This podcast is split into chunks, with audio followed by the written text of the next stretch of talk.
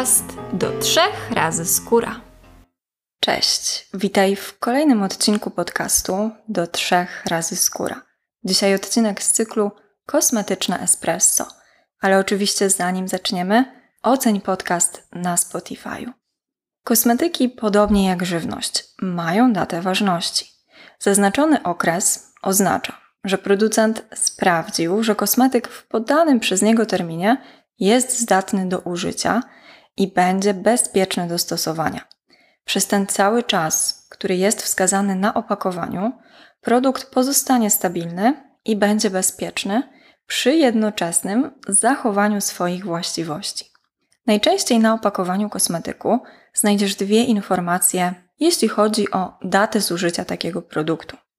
Pierwsza to właśnie data ważności zużyć do, a druga to tak zwane PAO, czyli Period After Opening, czyli okres przydatności do użycia kosmetyku po jego pierwszym otwarciu, oznaczany symbolem otwartego słoiczka z liczbą miesięcy. Na przykład na moim serum jest napisane, że po otwarciu muszę je zużyć w ciągu 3 miesięcy.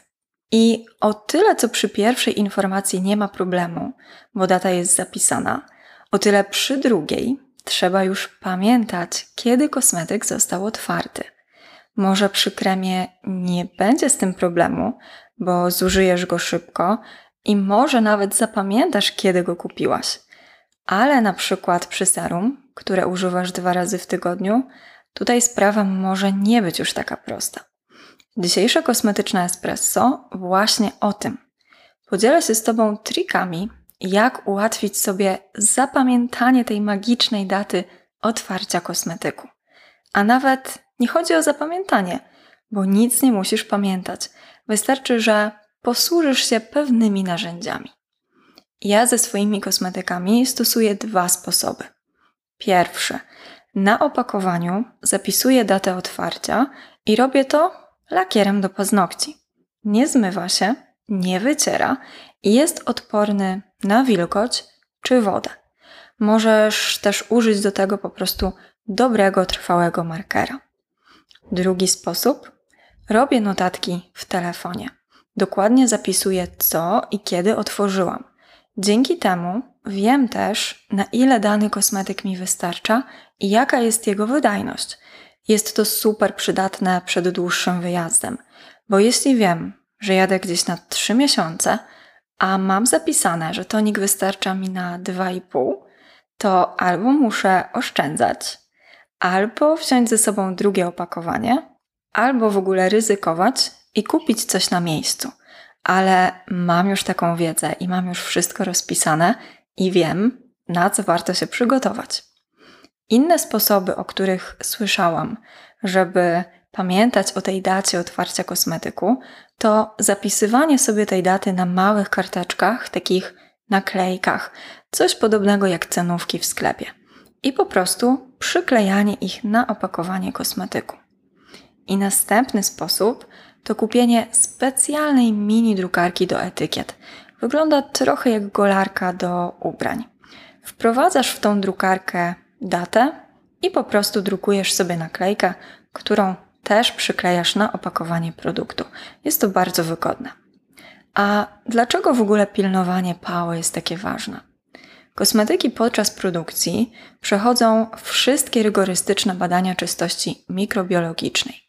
Te opakowania, które mają, są szczelne, a konserwanty w nich zawarte dają kosmetykom wysoką trwałość. Ale co się stanie, gdy te kosmetyki otworzymy?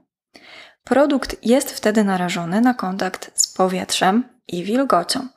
Dodatkowo często używamy kremów w słoiczkach, wkładając w nie palce. Nakładamy serum, dotykając pipetką twarzy. Wszystko to sprzyja rozwojowi mikroorganizmów, które mogą negatywnie wpływać na naszą skórę.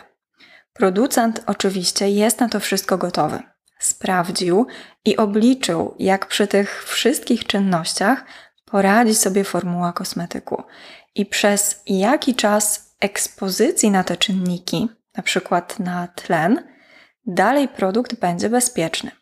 Jeśli producent podaje, że tusz będzie bezpieczny przez 3 miesiące od otwarcia, to używaj go przez 3 miesiące od otwarcia, a nie przez rok.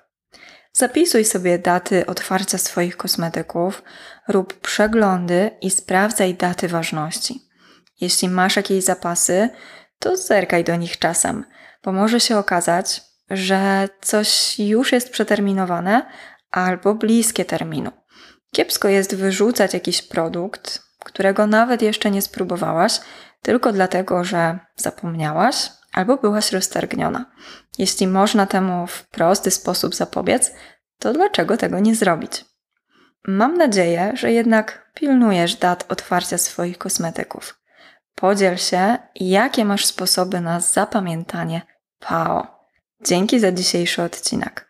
Do usłyszenia w kolejnym i pamiętaj, oceń podcast na Spotify.